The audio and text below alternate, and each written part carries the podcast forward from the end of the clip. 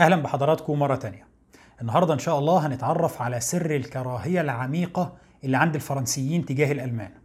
هنتعرف على المستشار الحديدي وهنتعرف على الخلطة السحرية اللي نقدر بيها نوحد 35 دولة في دولة واحدة. النهاردة هنتعرف على نشوء دولة ألمانيا الحديثة. خليكم معانا. في العصور الوسطى الدولة اللي إحنا نعرفها النهاردة باسم ألمانيا ما كانش ليها وجود. ما كانش في دولة اسمها ألمانيا. وإنما الأراضي اللي بتشكل اليوم ما يعرف باسم ألمانيا كانت جزء من أراضي دولة أكبر بكتير اسمها الإمبراطورية الرومانية المقدسة. الإمبراطورية الرومانية المقدسة كانت دولة بتحكم مساحات شاسعة من أوروبا. اتغيرت حدودها على مر الزمن. أحيانا كانت بتشمل مساحات أكبر واحيانا مساحات أقل لكنها شملت يعني في فترات مختلفة مساحات من ألمانيا ومن سويسرا ومن النمسا من المجر من هولندا ومن بلجيكا. حكمت مناطق شاسعة جدا من أوروبا. طبعا دولة زي دي كانت دولة متعددة الأعراق وبتحكم شعوب مختلفة ومتباينة بشكل كبير جدا. مع نهاية العصور الوسطى وبداية عصر النهضة في أوروبا بدأت تظهر في أوروبا تغييرات سياسية واقتصادية واجتماعية وحتى تغييرات دينية كبيرة جدا. مش موضوعنا حاليا التغييرات دي يعني مش هنناقش عصر النهضة بشكل تفصيلي حاليا ولكن يهمنا النتائج اللي ترتبت على ظهور عصر النهضة بالنسبة للشعوب الناطقة بالألمانية. الشعوب الناطقة بالألمانية في الوقت ده انقسمت لقسمين كبار جدا أو قسمين رئيسيين. القسم الأولاني اللي هو النمسا. النمسا في الوقت ده كانت قلب الإمبراطورية الرومانية المقدسة. كانت مركز الحكم فيها وكانت عاصمة الإمبراطورية هي فيينا. وبالتالي النمسا كانت بتخضع للحكم المباشر للإمبراطورية الرومانية المقدسة باعتبارها مركز الحكم ليها. بينما القسم الثاني اللي هو ما يعرف اليوم باسم ألمانيا. في الوقت ده ما كانش اسمه ألمانيا ولكن اتحولت الدولة اللي إحنا نعرفها النهارده باسم ألمانيا لعشرات أو مئات الدول شبه المستقلة. دول أو إمارات ودوقيات ومقاطعات وولايات صغيرة وبعض المدن اللي كانوا بيسموها مدن الإمبراطورية الحرة كلها ما فيش رابط ما بينها إلا إنها من بقايا سيطرة الإمبراطورية الرومانية المقدسة على المنطقة دي. لكن في الواقع كل حاكم كان قاعد في عزبة صغيرة في ألمانيا كان بيقول أنا أمير أو أنا دوق أو أنا حاكم ولاية أو مدينة وبيحكم زي ما هو عايز. كان في شبه استقلال كامل وألمانيا في الوقت ده كانت دولة مفتتة. واحدة من المدن الألمانية دي كانت مدينة براندنبورغ أو زي ما كانوا بيسموها في الوقت ده مارجريفيه براندنبورغ. براندنبورغ كانت مدينة ألمانية صغيرة وكان بيحكمها في الوقت ده أسرة اسمهم أسرة الهوهنتسوليرن يعني سيبكم الاسم أسرة ما أو ناس معينين كانوا بيحكموا المدينة دي إحنا بس مهتمين بالاسم بتاعهم لأن أسرة الهوهنتسوليرن هيكون لها دور مهم جدا فيما بعد في توحيد ألمانيا. الأسرة دي بتستمر في حكم مدينة براندنبورغ لغاية سنة 1618 في السنة دي بيحصل حدث فاصل في تاريخ الأسرة وهو وفاة حاكم ولاية بروسيا بدون ما يترك وريث. الولاية دي الحاكم بتاعها بيموت وملهوش وريث علشان يتولى حكم الولاية. وعلشان كده بيدوروا على مين أقرب الأقارب أو أقرب الأنسباء له. فبيلاقوا إن أقرب انسباء له هم أسرة الهوهنتسوليرن حكام براندنبورغ. وعلشان كده بينتقل حكم ولاية بروسيا للهوهنتسوليرن وبكده الهوهنتسوليرن بيكونوا بيحكموا براندنبورغ وبيحكموا كمان ولاية بروسيا. وهنا لقوا نفسهم في موقف قد يكون له ميزة وقد يكون له عيب اللي هو إنهم بيمتلكوا ثلاث مجموعات من الممتلكات أو الأراضي المتفرقة. جزء من ممتلكاتهم كان موجود على ضفاف ظهر نهر الرين جزء تاني اللي هو مدينة براندنبورغ وجزء ثالث اللي هو مقاطعة بروسيا. وبالتالي كان الطبيعي بالنسبة لحكام طموحين زيهم إنهم يحاولوا يسيطروا على مساحات من الأراضي اللي تعمل اتصال ما بين ممتلكاتهم المختلفة دي. خلاص أنا عندي حتة هنا وحتة هنا يلا نسيطر على المنطقة اللي بينهم ونتوسع. ولكن الظروف ما كانتش مواتية. بمجرد ما بينتقل حكم بروسيا لأسرة الهوهنتسوليرن بتقوم في أوروبا حرب طاحنة أوروبا كلها بتستمر في طحن بعضها فيها لمدة 30 سنة. الحرب دي اسمها حرب الثلاثين عام. طبعا زي ما هو واضح من الاسم 30 سنة من التخريب والمعارك. ولسوء حظ الهوهنتسوليرن ولسوء حظ بروسيا بيكون المسرح الأساسي اللي بتدور فيه أغلب معارك الحرب دي هو أرض بروسيا. أراضي بروسيا بتتعرض لتخريب شديد جدا في حرب ال 30 سنة. التخريب ده بيوصل لأنه مثلا برلين نفسها عدد سكانها بينخفض من 14 ألف نسمة ل 6000 نسمة فقط بنهاية الحرب. عموما بعد 30 سنة من التخريب أوروبا بتقعد مع بعضها وبتمضي معاهدة اسمها صلح واستفاليا في صلح واستفاليا الدول الأوروبية بتتفق إنه كفاية حرب كده ونبدأ نشم نفسنا شوية. وبالفعل بعد معاهدة الصلح دي الدول الأوروبية بتبدأ تلتقط أنفاسها والحرب بتتوقف في أوروبا لفترة. بعد انتهاء الحرب دي بتطلع أسرة الهوهنتسوليرن بمكسبين صغيرين رغم كل التخريب اللي حصل في أراضيها ده. المكسب الأول هو إنهم ما زالوا على العرش رغم كل التغييرات والمعارك اللي حصلت دي إلا إنهم ما تمش انتزاعهم من عرشهم. ما زالوا هم الحكام في براندنبورغ وما زالوا هم الحكام في بروسيا. والانتصار الثاني كان انه بروسيا أثبتت نفسها كرقم في المعادلة الأوروبية. القوى الأوروبية العملاقة اللي كانت بتتصارع بدأت تعمل حساب لدولة صغيرة جدا ناشئة اسمها بروسيا. كان عندهم قوة عسكرية بيحاولوا يثبتوا نفسهم بيها ويحاولوا ينتزعوا لنفسهم انتصارات. وبالفعل القوة دي بتخلي باقي القوى الأوروبية تعتبر أن الدولة دي حتى لو كانت دولة صغيرة فهي دولة يتعمل لها حساب. من بعد صلح وستفاليا اللي تم سنة 1648 ولغاية نهاية القرن ال17 ما بيحصلش تغيير كبير بالنسبة لبروسيا ولا بالنسبة للهوهنتسولير يعني بتحصل شوية معارك مع جيرانها وبتحصل شوية حروب أحيانا بتنكفئ على نفسها وأحيانا بتتمدد لكن في النهاية ما بيحصلش تغيير جذري بالنسبة لوضع بروسيا ولا بالنسبة لوضع الهوهنتسولير بيستمر الوضع ده لغاية ما بتجيلهم فرصة كبيرة جدا في تاريخهم سنة 1701 في السنة دي بتحصل مشكلة على وراثة العرش الأسباني. مين اللي هيجلس على عرش أسبانيا؟ بتتدخل القوى الأوروبية المختلفة في المشكلة دي ومن ضمن اللي بيتدخلوا بيكون إمبراطور الإمبراطورية الرومانية المقدسة. لما بتحصل المشكلة بتؤدي في النهاية إلى حرب هنا إمبراطور الإمبراطورية الرومانية المقدسة بيحتاج لخدمات الجيش البروسي. بيطلب من حكام بروسيا إن هم يساعدوه بالجيش بتاعهم علشان يقدر ينتصر في الحرب دي. وهنا حكام بروسيا الهوهنتسوليرن بيبدأوا يطلبوا طلب صغير. حاضر على عيننا وعلى راسنا نبعت لك الجيش ونساعدك إحنا تحت أمرك. بس في المقابل يعني حاجة صغيرة كده هتخدمنا فيها. إحنا عايزين بدل ما نبقى دوقيه بروسيا نبقى مملكة بروسيا. وبالتالي الهوهنتسوليرن بدل ما يبقى لقبهم دوق بروسيا هيبقى لقبهم ملك بروسيا. طبعا خطوة زي دي ما كانتش عاجبة ابدا إمبراطور الإمبراطورية الرومانية المقدسة. باعتبار إنه لما يجمع ممتلكات الهوهنتسوليرن ويخليها مملكة هو كده بيخلق دولة قوية على حدوده في قلب دولته. ولكنه في النهاية بيكون مضطر. أنا محتاج لخدمات الجيش بتاعهم وعلشان كده لازم أديلهم شيء في المقابل.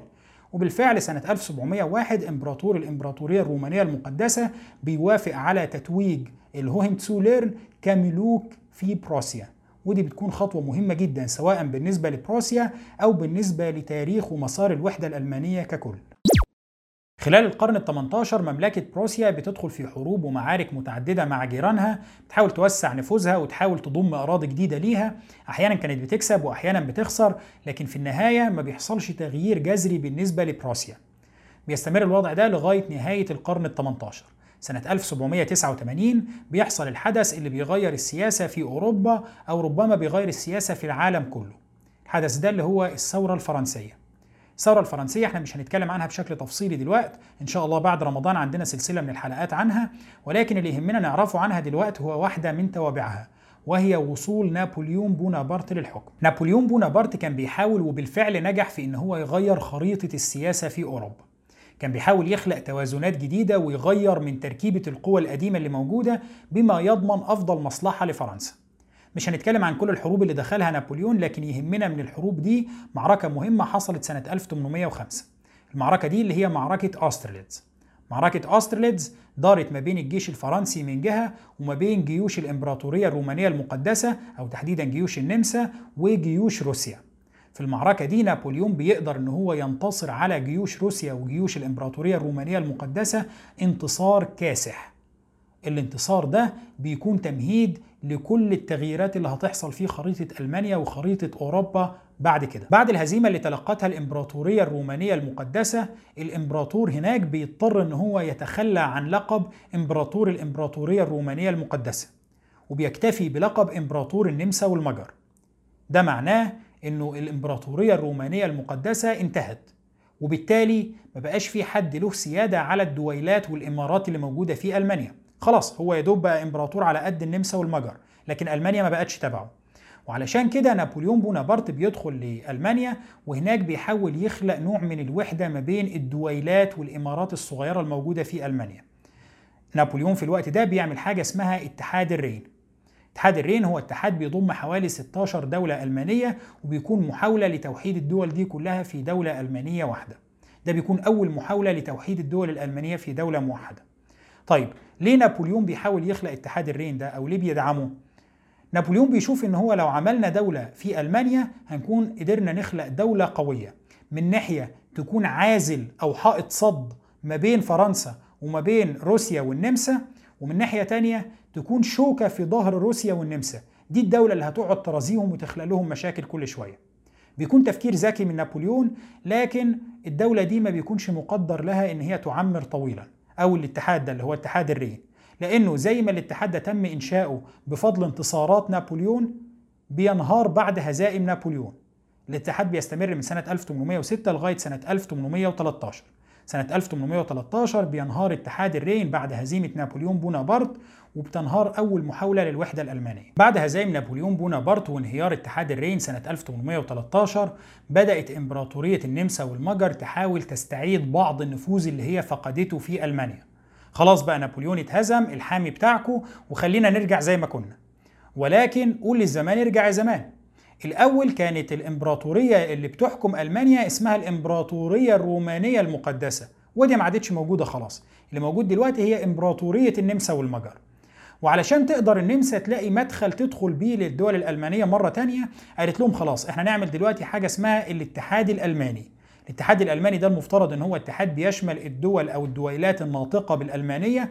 كان اتحاد مكون من 39 دولة تم إنشاؤه سنة 1815 39 دولة المكون منهم الاتحاد ده كانوا بيشملوا منهم النمسا وكانوا بيشملوا كمان دولة زي بروسيا. وطبعا كانوا بيشملوا باقي الدول الموجودة حاليا في ألمانيا. الفكرة إن الاتحاد ده كان محاولة من النمسا للتحكم مرة تانية في ألمانيا. خلاص إحنا مش هنقدر نقول إن إحنا إمبراطورية واحدة وإن إنتوا جزء مننا بس إحنا نعمل نوع من ال... الاتحاد. وحده ما بيننا حتى ولو وحده يعني بعيدة حاجة أشبه بجامعة الدول العربية مثلا بس يكون عندنا نوع من النظام السياسي اللي بتتمتع فيه النمسا بالنفوذ الأكبر. واللي تقدر من خلاله تتحكم في الدول الألمانية دي بشكل كبير. اللي النمسا ما كانتش قادرة تفهمه إن محاولة استعادتها لنفوذها في الدول الألمانية كانت محاولة محكوم عليها بالفشل حتى من قبل ما تبدأ. لأنه الأوضاع في العالم في الوقت ده كانت اتغيرت. أوروبا قبل الثورة الفرنسية حاجة وبعد الثورة الفرنسية حاجة تانية خالص. قبل الثورة الفرنسية كانت الشعوب الأوروبية بتقبل بحكامها بموجب نظرية الحق الإلهي في الحكم. الملك ده بيحكم الدولة دي علشان ربنا حطه في المكان ده. ربنا اللي اداله الحق في حكم الشعوب دي. وبالتالي يعني هنكفر يعني الراجل بيحكمنا لأن ده حقه. مفيش حد بيجادل في الحق ده. وعلشان كده كان الهابسبرج مثلا أو كانت الإمبراطورية الرومانية المقدسة بتحكم شعوب كتير جدا مفيش روابط ما بينها. النمسا والمجر وناس في بلجيكا وناس في هولندا كانت بتحكم مساحات كبيرة وشعوب مختلفة. ولكن مع ظهور الثورة الفرنسية بدأ الوضع ده يتغير. بدأ ينمو عند الشعوب دي حاجة اسمها الشعور القومي. بدأ كل شعب يبص لنفسه ويقول أيوه إحنا شعب واحد بيجمعنا كذا وكذا وكذا. الشعب الفرنسي بدأ يشوف نفسه باعتباره الأمة الفرنسية. إحنا الفرنسيين اللي بنتكلم لغة فرنسية وعندنا تاريخ واحد وعندنا ديانتنا مثلا الديانة الكاثوليكية أو حتى بعد الثورة لما بدأ يظهر عندهم أفكار جديدة. لكن في النهاية كل شعب كان بيبص لنفسه باعتباره إحنا الشعب الفلاني. ده حصل في فرنسا وبعد كده حصل في دول زي ألمانيا ودول زي إيطاليا. موضوع إيطاليا ده هنتكلم عليه بعدين لكن بالنسبة للألمان بدأ ينمو عندهم شعور قومي كبير جدا. أيوه إحنا شعب واحد. إحنا الألمان. عندنا لغة واحدة وعندنا تاريخ واحد وعندنا ثقافة واحدة وطبيعة واحدة ومفيش خلافات دينية كبيرة. فإيه اللي يمنع إن إحنا الألمان نتحول لدولة ألمانية؟ نبقى أمة ألمانية زينا زي الفرنسيين مثلا. إيه المانع؟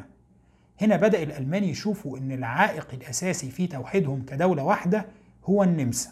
الألمان بقوا شايفين إنه العقبة الأساسية في توحيدهم هي النفوذ النمساوي.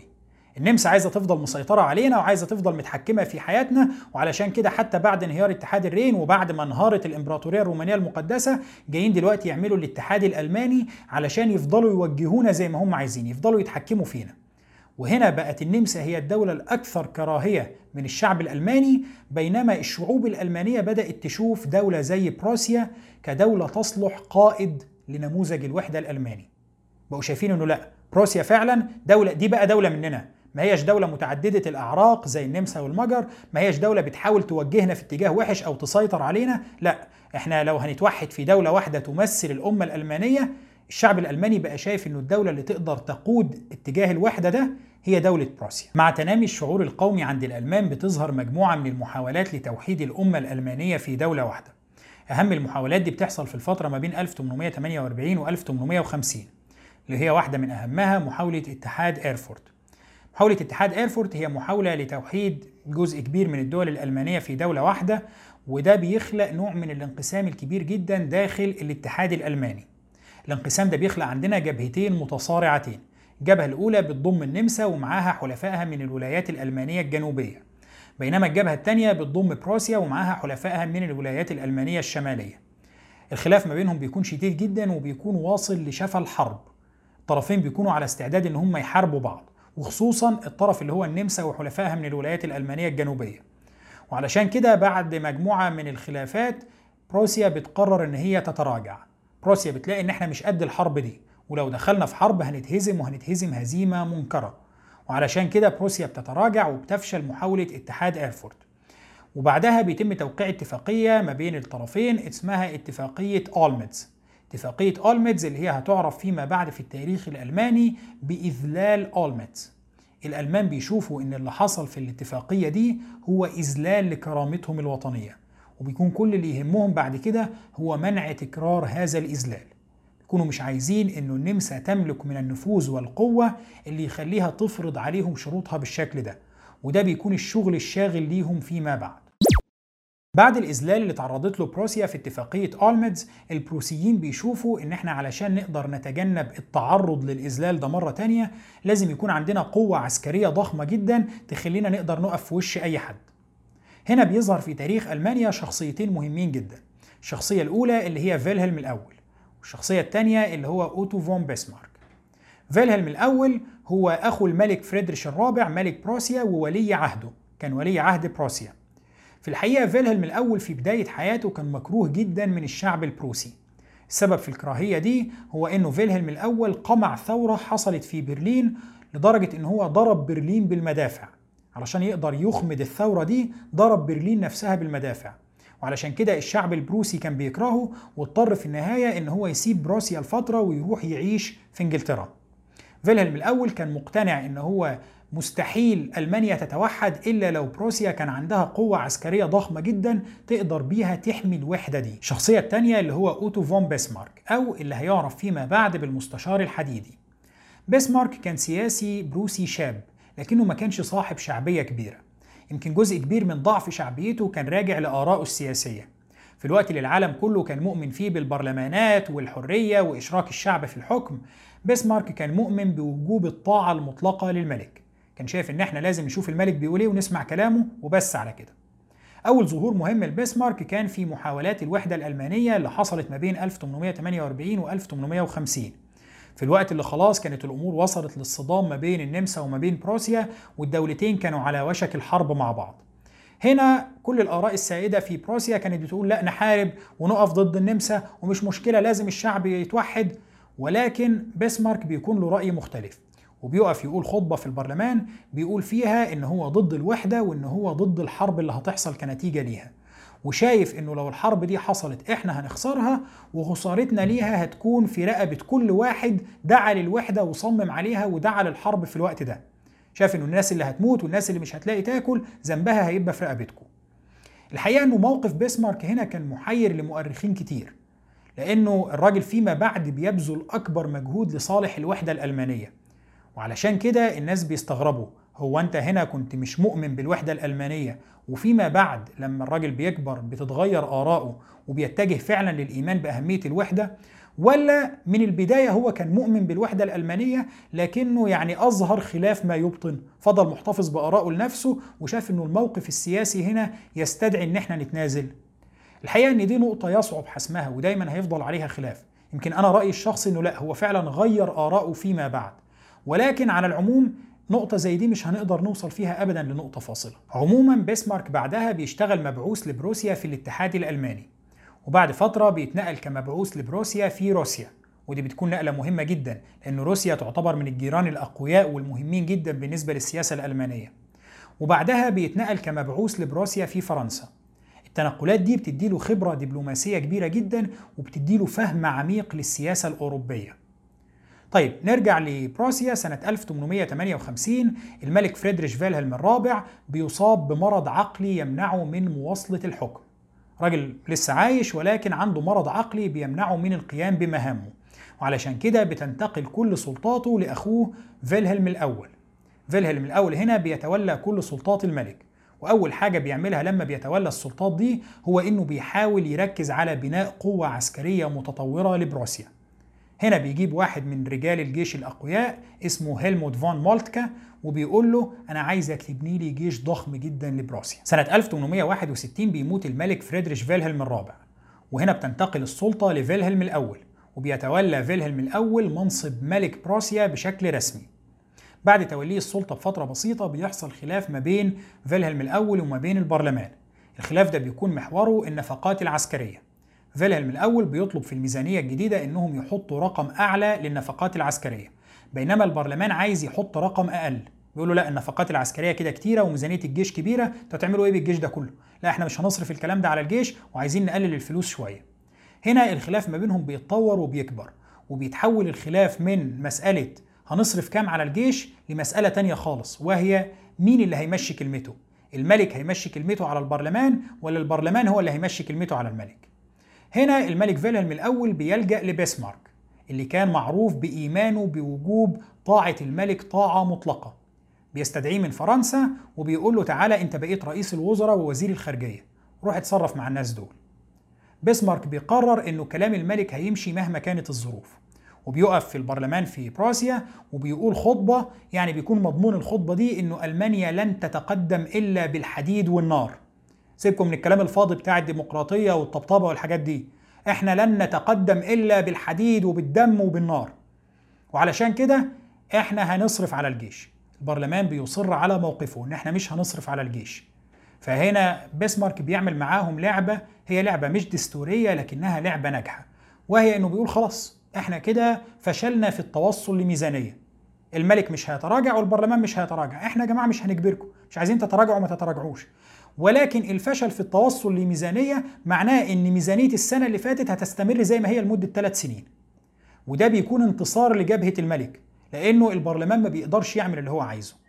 عموما رغم تصاعد المعارضة ضد بيسمارك في البرلمان ورغم غضب النواب في البرلمان منه إلا إنه خلال الكام سنة اللي بعدها بيقدر ياخد خطوات ممتازة في سبيل توحيد ألمانيا. علشان تقدر توحد الدول الألمانية دي وتكون دولة ألمانية موحدة مش كفاية إن أنت يكون عندك قوة عسكرية. أيوه طبعا القوة العسكرية مهمة.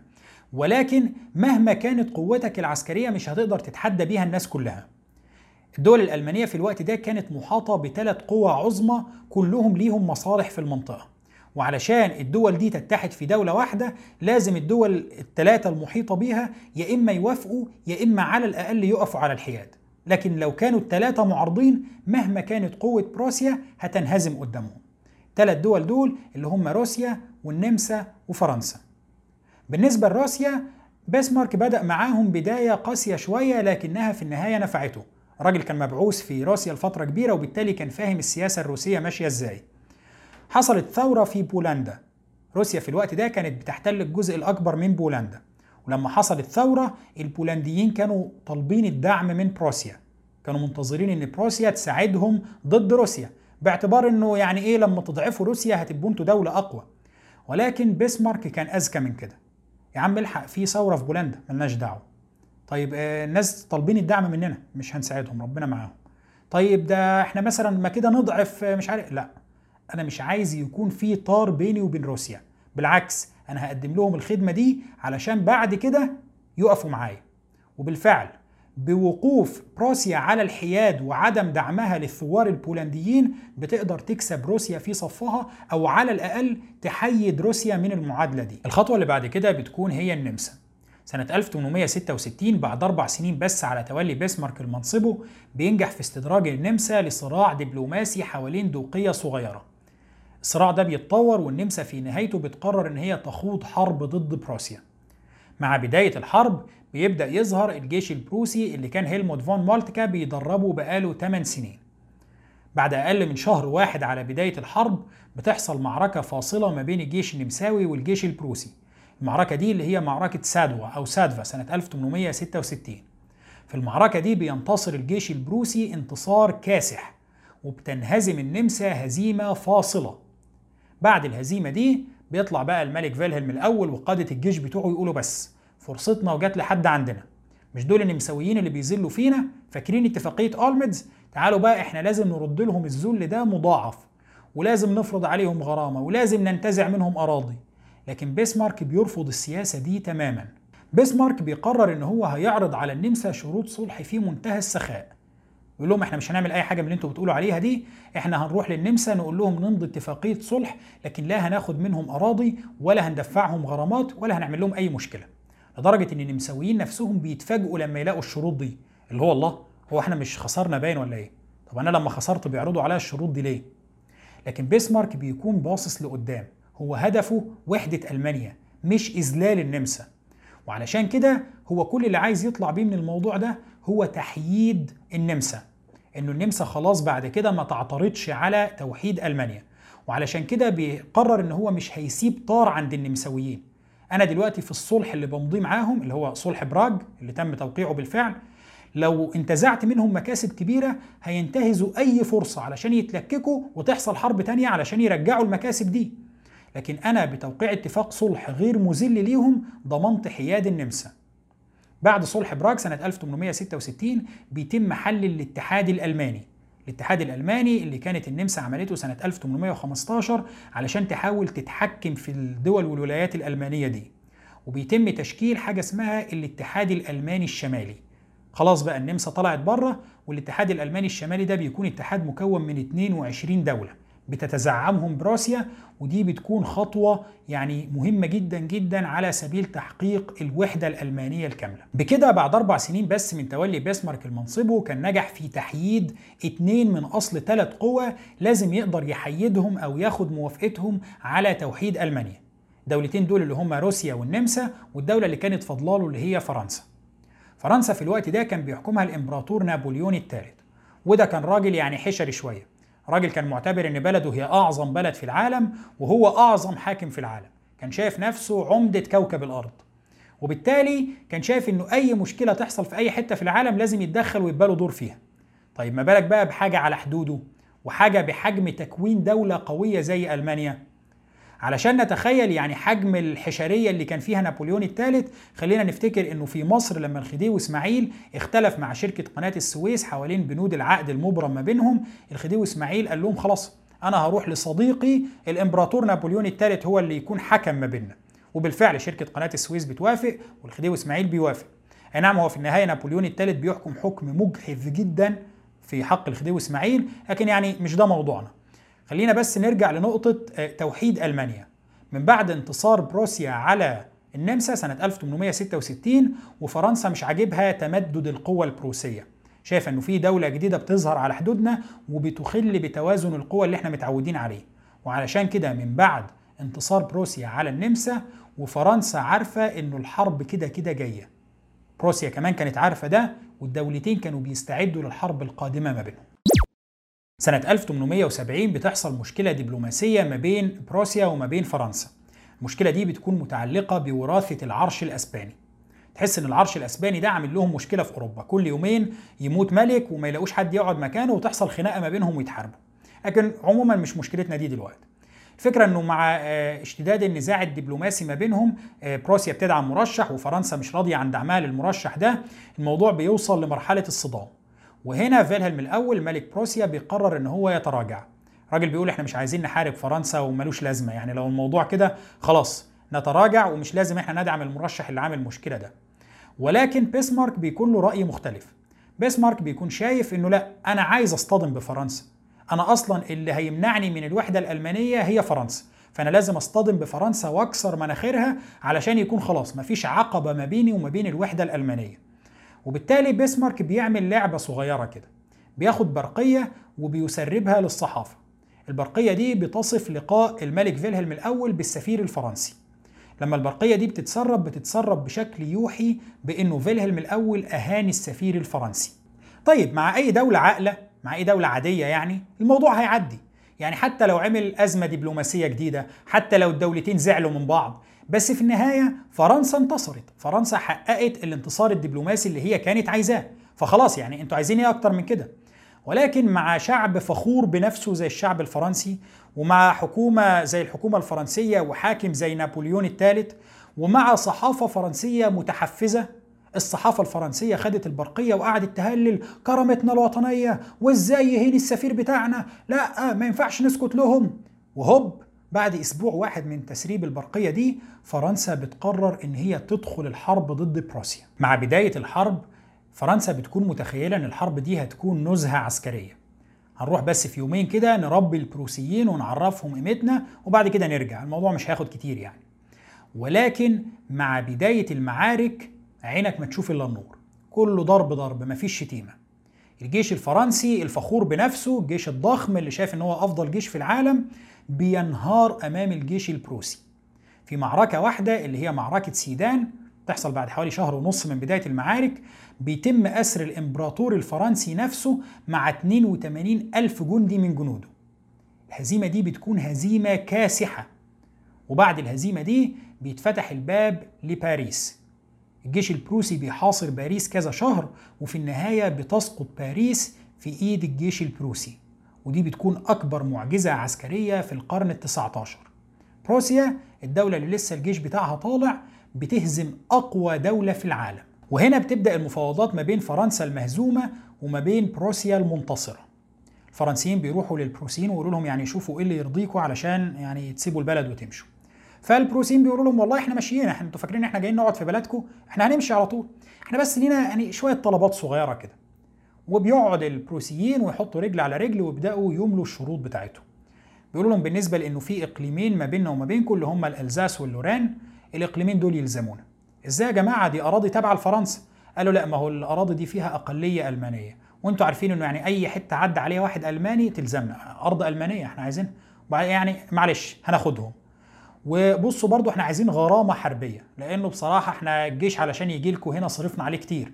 فيعني المصاريف دي مين اللي هيشيلها؟ تجمعوا لنا كده من بعض غرامة حربية محترمة وتجيبوها لنا.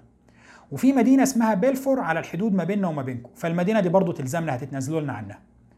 الفرنسيين يعني بعد مفاوضات عنيفة بيضطروا إن هم يوافقوا على التنازل عن الألزاس واللوران. وطبعا بيجمعوا الغرامة الحربية غصب عنهم لكن الشعب الفرنسي فعلا بيجمعها في فترة قياسية اللي هو يعني عايزين فلوس خدوا الفلوس اللي أنتوا عايزينها بس امشوا.